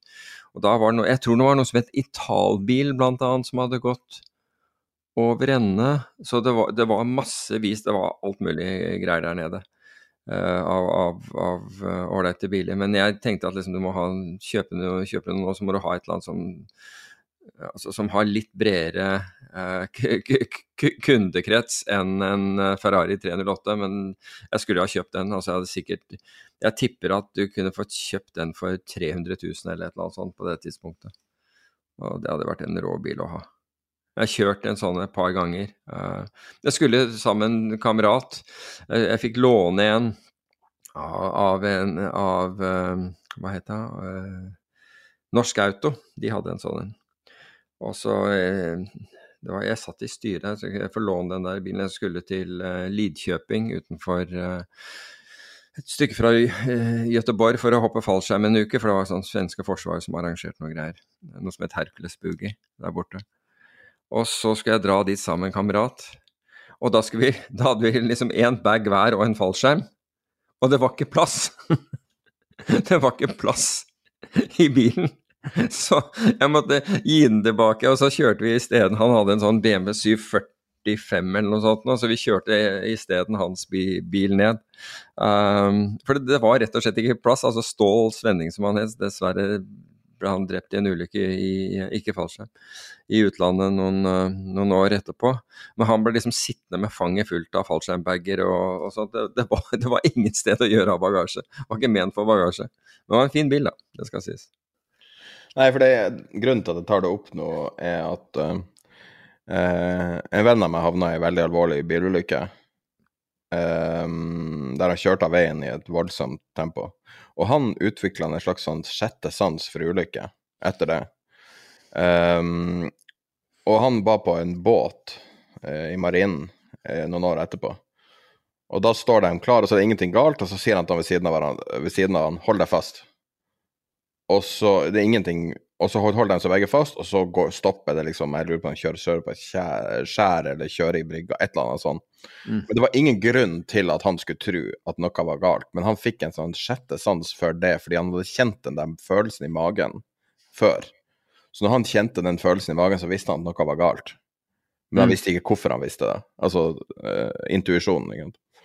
Og, og, jeg lurer på, når du har vært med på ei sånn krise, og, og følt på krisa om, om, du har noe, og da om du kan prøve på en måte å fitte det til dagens samfunn nå, er det noe du kjenner på i dag som på en måte gir deg en litt sånn uh, sjette sans over hva du tror kommer til å skje det neste året, de neste fem årene osv.? Altså, mine, mine sånn sjette sanser sånn, har, har, har, har, ikke vært uh, presise, må jeg si. At jeg, jeg, har hatt noen sånne nær misser som, som, jeg har unngått ved Som jeg ikke kan helt forklare hvorfor, men jeg husker etter én ulykke uh, hvor en elg hoppa rett foran uh, bilen. Og, og jeg, da, resten av den der sommeren, da pendlet jeg opp og ned på, til, til Rena. Og resten av, av, den der sommeren, da var det sånn at jeg bråbremset for, for skygger og alt mulig sånn. Det var jo altså, rett og slett ble litt, nærmest overnervøs i forhold til det, reagert på alt mulig. Men altså det som det jeg, altså det jeg føler at jeg ser nå, men, men som jeg ikke kan uttrykke i, verken i tid eller noe med, med, med, tidspunkt eller noe sånt, det er den laissez-faire-følelsen eh, jeg Altså jeg ser at noen bruker penger som fulle sjømenn for, for, fortsatt. Nå i dag? ja, og du, og du, ser bolig, altså nå var det, hadde man omsatt riktignok en veldig liten leilighet i Oslo for 200 000 uh, per kvadratmeter. Den, den, var veldig liten, altså den var vel på 14-15 eller 17 kvadrat eller et eller annet sånt. Men det er, og, og, da er det kanskje ikke så det er i hvert fall ikke så representativt, men når de sier at liksom, folk står i kø og har penger og det bryr seg ikke, de trenger ikke lån og, og sånt noe, det er ikke noe rart at, at vi har inflasjon. Det, og, og, og, det var det jeg sa i forbindelse med siste statistikken som man fikk fra, om boligmarkedet i, i Oslo. Altså, og at det ville være som en brannfakkel i forhold til i forhold til Norges Bank og rentesetting, og så fikk vi inflasjonsdata en uke etter det. Altså, jeg, jeg føler at det er en sånn derre det er, bare, altså, det er ikke så farlig. Men så ser du andre som sliter ordentlig. Det virker som vi er så utrolig divided for tiden. Vi er Hva heter divided på norsk? Ja, vi, altså At landet er så veldig delt. altså Du har noen som har til de grader altså som dette ikke, ikke affiserer, men de aller fleste menneskene blir affisert av de, av, av de, de høye, høye, høye, prisene. Um, så vi er, vi er, delt, og det er mye mer Vi er mye mer delt politisk i øyeblikket. Altså sånn at folk blir, blir um, Altså å, å, si engasjert er, er, en grov undervurdering av situasjonen, fordi folk blir ordentlig sinte. Og nå, altså, nå kan det være på begge fløyer, bare, bare så det er sagt, men poenget mitt er at jeg syns at vi er mye mer delt i så mange områder for tiden. Og som en fyr som da nå hadde solgt fire, fire bedrifter fordi han orka ikke å, å, drive mer. Han, det, det, kostet for mye å drive virksomheter i Norge, og han, han, sa at alle gikk med overskudd, men nå hadde han fått nok. Kunne, og Hvorvidt han har tenkt å flytte eller ikke, det vet jeg ikke. Det var ikke noen sånne kjempebedrifter. Men, han sa, men hans observasjon av, av, av 17. mai det var liksom Jeg var ikke på Aker Brygge, så jeg kan ikke, jeg kan ikke verifisere uh, dette på noen som helst måte. Men var gå, gå langs der og se, se finansfolk og, og, og, advokater som liksom hadde betalt 35 000 kroner ifølge ham jeg vet ikke om dette er riktig, for, for bord, og liksom med, og spruter champagne og liksom eh, den biten der. Og, sa, eh, og, jeg tenkte også det er også så diametralt motsatt fra hvordan jeg oppfatter at de aller fleste har det for tiden. Men samtidig, altså det, det ser jeg også for så vidt i, i, uh, i, i området jeg bor. Altså er det noen som setter i gang noen utbyggingsprosjekter som du tenker herregud, liksom, det er, som skal konkurrere med Slottet, liksom. Ikke fullt seg, det er ikke, dette er overdrevet, men er, jeg tenker wow, det var voldsomt. Men var det noe du så eh, Noe som var et sånn stempla minne fra den tida? Nei, nei altså det, det mer fra den tiden var, var, at alle kjente på det, hadde jeg inntrykk av. Mange flere kjente på det. det var, altså, men nå er det så mange år siden at, uh, at, jeg vil ikke ha en god recollection av det der annet enn det jeg selv opplevde. Du glemmer aldri følelsen i magen? Ja, altså 87 gikk vi fra, fra å bli latterliggjort hvis du trodde at markedet kunne falle. ikke sant? Det, det, var, ikke, var, var, ikke, det var, ikke, lenge før, før det smalt hvor, uh, hvor Du spådde da on the record fallet, vil bare si det. Ja, altså, og da ble du latterliggjort, ikke sant. Det var helt utenkelig. Og det var liksom da noen av de smarteste folkene liksom man hadde innenfor for økonomi og finans i Norge, og så bang, ikke sant, så, så, så kommer det. Så men altså, når du sier spådde, jeg ante jo ikke at, at, vi, at liksom man skulle falle 25% på en dag. Du spådde nesten, jeg har sett NRK-klippet, ja. der du sier at uh, du spår mer eller mindre Black Monday. Så jo, men, men, du kan si at jeg, jeg kvantifiserte ikke altså 25% på en dag. Det hadde aldri. Ja, men det får da være grenser for hvor nøyaktig man skal spå. Ja, ja, ja, ja. Nei, men bare så, så, vi, så man ikke liksom gir, gir, meg for mye kred for, for det. Men det, det var en, etter min oppfatning en stor ubalanse, og at, og, som jeg trodde ville bli ville bli At man ville gjenopprette balanse, og det betød at markedene, eh, markedene, skulle ned. Men det er klart at på den andre siden så har du veldig mange som sitter der og er, er avhengig av å tjene penger, at det går kun én vei. Og de vil hate deg for, for et sånt uh, utsagn. Og jeg vet jo også fra det å ha drevet hedgefond i et miljø hvor det også sitter long only-fond, at har du, sier du det minste negativ om utviklingen i, i aksjemarkedet, så er det, da er det krise. Da er det rett og slett krise. Så hos disse her. Så, så, så de miljøene har ingenting Bør aldri sitte sammen, for å si det på den måten. Da, da, kan man ikke være ærlig om ting. Men er det, når du ser på, igjen tilbake til magefølelsen, for det er veldig interessant fordi at det minner meg om når jeg snakka med min bestemor som ble 102 år, og hører hun snakke fra et førstepersons utsyn om, om sladder på 1920-tallet, det er en helt unik asset. Fordi hun kunne fortelle om hvordan ting føltes. Altså hvordan det ble mottatt, og de tingene som ikke går an når jeg ser i bok. Og det syns jeg var veldig interessant når jeg var eh, 19-20-21 eh, og, og hørte om det her. Og, og, nå har vi muligheten, altså Du må ikke ta det som en negativ ting, men du var jo der når det skjedde. Og, og jeg var der når finanskrisa skjedde, og jeg husker veldig godt hvordan det føltes i magen. Altså hvordan ting på en måte gikk ut av kontroll eh, så utrolig fort. Og det var så mange ting vi måtte lære så utrolig fort, og det var et legitimt utfall av ting skulle altså aldri kommer tilbake igjen på noen måte. Ja, det gikk jo ikke fort. altså det, det, Greiene var jo at snøballen sto på en måte og bevra i, i, i Norge mye lenger enn andre, i andre land. altså og, og jeg, jeg syns det var ekstremt vanskelig, den der, fordi jeg hadde vært klar for at ting skulle skje åtte måneder tidligere. Hvordan, og, hva du snakker om nå, i 2007-2008? Ja, og det var rett og slett for kredittmarkedet klappet sammen. Og vi, vi, fulgte det, og det ga ikke mening at aksjemarkedet, som er en mer usikker del av kapitalstrukturen, skulle bare fortsette oppover. Men det bare fortsatte, og Norge fortsatte. Mens andre markeder falt, så fortsatte Norge. Og, det, og noe lignende fikk du, fikk du, også i 2000-2001. Da klarte også Norge på en måte å løpe ut altså Da var det samme Donald-analogien, altså løp utfor stupet. Gikk kjempefint, men først når du så ned, så falt det.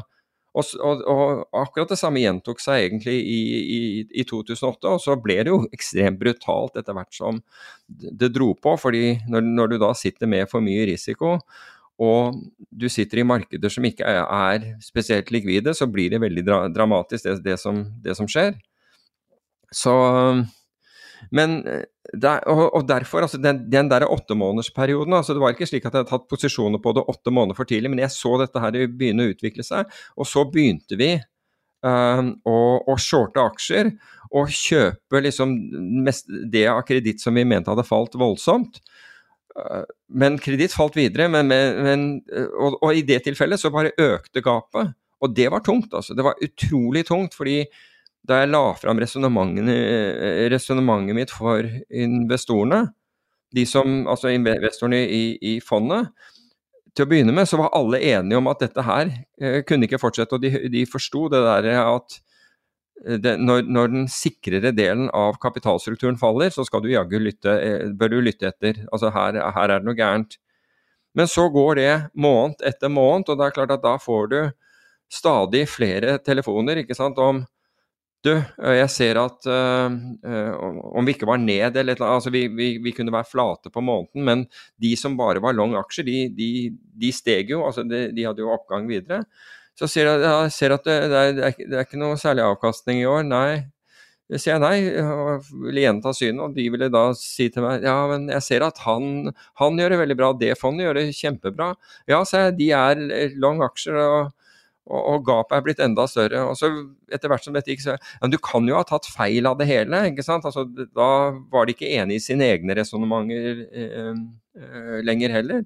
Og så måtte du da på en måte forsvare Ja, så sier jeg det er absolutt mulig at jeg tar feil, men det er, det er fundamentalt og matematisk galt også når den sikre delen er, er, er i fritt fall, og den risky delen bare fortsetter oppover. Det er det jeg har jeg har sagt jeg har aldri opplevd det. Ja, men kan hende at det har vært sånn en eller annen gang for lenge, lenge siden. Selvfølgelig, ikke sant? Alt gjør at du begynner å tvile på dine egne resonnementer, og du går hjem og tenker at hva er det jeg misser her, hva er det, hva er det jeg ikke forstår?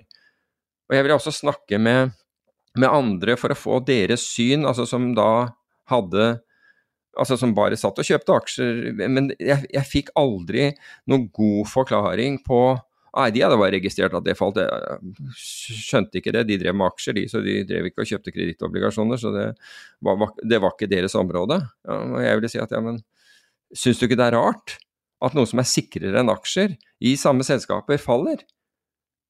Ja, det, jeg vet ikke, jeg vet ikke, men jeg driver med aksjer. Det var liksom det, det svaret. Så det var, jeg, jeg syns at den, den perioden der var ekstremt tung. Uh, og så når det da endelig faller, så, så, så, er det jo sånn at Å, hadde du ikke shorta mer? Ja, det var de samme som, som uh, hadde tenkt seg ut av fondet før? Bare, et, uh, bare en måned tidligere fordi, uh, fordi du hadde shortet noe. ikke sant? Nei, var, jeg syns ikke det var enkelt. Men det er, det er krevende å forvalte andre menneskers penger. Og og det er krevende å gjøre det i fond, og spesielt hvis du har månedlig likviditet i det fondet, med andre at man kan ta ut pengene på månedlig. Det gjør at selv folk som sier at de er langsiktige, de er ikke langsiktige. Det, det er også lært. Og de som sier at de tåler masse svingninger, de tåler gjerne en tredjedel av det de sier osv. Og, så og det, eh, lærdommen er at det bør man ta høyde for når man, når man starter et fond og, og, og, driver det. fordi da hadde jeg ikke erfaring med det. Jeg hadde jo bare hatt um, én eier tidligere for, for, uh, for egenhandel, nemlig den banken du, du, jobbet i. og Da hadde du én person å forholde deg til, som var din sjef. Og, og, det var mye enklere å forholde seg til én person, fordi enten ble den personen overbevist av argumentene dine, eller så ble den ikke det. Og så begge deler. altså Den ene vil du fortsette å holde i posisjon, den andre vil du, vil du kutte dem hvis, hvis det var. Men når du har hundrevis, så, så, er det krevende i seg selv. Og det, jeg er jo ikke den eneste uh, prop-traderen som har, har, funnet det svært krevende. Altså selv liksom uh, En som ble liksom verdenskjent etter, uh, etter 9-11, Goldman-traderen Christian Siva Jotti, som hadde tjent liksom, Han la ned fondet sitt, jeg tror det var et år etter han hadde startet eller noe sånt noe og bare orket ikke det derre å, å, få syn Altså høre på, på 300 besserwissere hver, hver, hver, måned, ikke sant. Så det er krevende. Så du skal Og det er en lærdom. Det er, det er ikke noe annet. Det, det, er ikke det at de har ikke feil, det er bare at det er emosjoner som styrer, og, det er, og er, det er, deres penger, så de har full rett til å gjøre det de gjør. Men skulle jeg gjort det der igjen, så hadde jeg aldri hatt, hatt månedlig likviditet. Ikke tale om. Vi ble brukt som, eh, ble brukt som en minibank når, man, når de ikke orket å ta tapene på aksjer, som da til slutt falt over 60% Når de ikke orket det og en eller annen megler ba dem om mer sikkerhet fordi de hadde belånt aksjene, så var det jo innløst i fondsandeler hos oss, ikke sant, heller enn å ta tapet, fordi de orket ikke å ta tap. Så det er mye å lære. Det er masse å lære av, eh, av sånt. Og det er, det er, den erfaringen nå, som når jeg snakker med andre, som du kan på en måte bidra med i forhold til, til, de, til, til deres tanker og når de setter opp forvaltning og osv. Så videre, sånn, som gjør at de slipper å gjøre uh, samme type erfaring som det jeg gjorde. Da, som ha de samme negative opplevelsene, fordi de kan strukturere det på en måte hvor de blir mindre utsatt for, uh, for akkurat det samme. Men, eh, men, sånn er det. Og det er jo klart, det er masse peer pressure, og du hører jo stadig om Hver, hver måned vil du høre om det fondet som akkurat den måneden er bedre eh, enn deg. Altså, la oss si at du var på annenplass, så var ikke det godt nok heller. Du skulle være på første hver måned. Det lar seg jo ikke gjøre heller. Det er, det er bare sånn det er. Det mest interessante du kan bringe inn til unge folk i finans, er jo nettopp den hvordan det føltes. Og det du beskriver, er jo noe man kan ta ut, for det er noe som ikke går an å lese i bok. ikke sant? Hvordan noe føltes. Mm. Men, det, men, men det, er en grunn til f.eks. Altså, hvis du ser på hedgefond, så har jo de ganske kort eh, Egentlig ganske kort levetid um, i, i, forhold til andre typer fond. Og du må lykkes veld, veldig tidlig, ellers så er det ekstremt vanskelig å tiltrekke deg penger. Altså Hvis du har negativ avkastning år, år én, ikke sant? og da sier jeg ja, jeg venter til jeg liksom Da vil alle ønske å vente til de ser dette her snu. Har du da negativ avkastning år, år to også, ikke sant? Er du nesten, det er nesten å glemme, ikke sant? fordi du, du faller utenfor. Og, må, og, hvis du da har, har øh, øh, gutsen til å fortsette, ikke sant? så må du kanskje nå holde på i fem år før folk begynner å, å investere i fondet ditt. Og det er jo tungt, fordi du, du har jo kostnader i mellomtiden. Så, men det er en grunn til at liksom så mye penger går til det, altså De som får mest penger for tiden, det er multi, eh, multimanager hedgefond. Men for å avslutte denne, det her følelsessegmentet Eh, hvis du skal sammenligne 2023, starten på, eh, på juni, Mm. hvordan år vil du sammenligne med det? År og måned? Nei, jeg vet ikke uh, hva jeg Altså, jeg, jeg har jo Det er en sånn in, indifference til, uh, til risiko, føler jeg. Men, men du ser jo markedene går bra osv., og, så videre, og du ser Europa går, går i, i resesjon. Til tross for det er, er, nå, er jo aksjemarkedene veldig sterke. altså tyske markedet har vært kjempesterkt.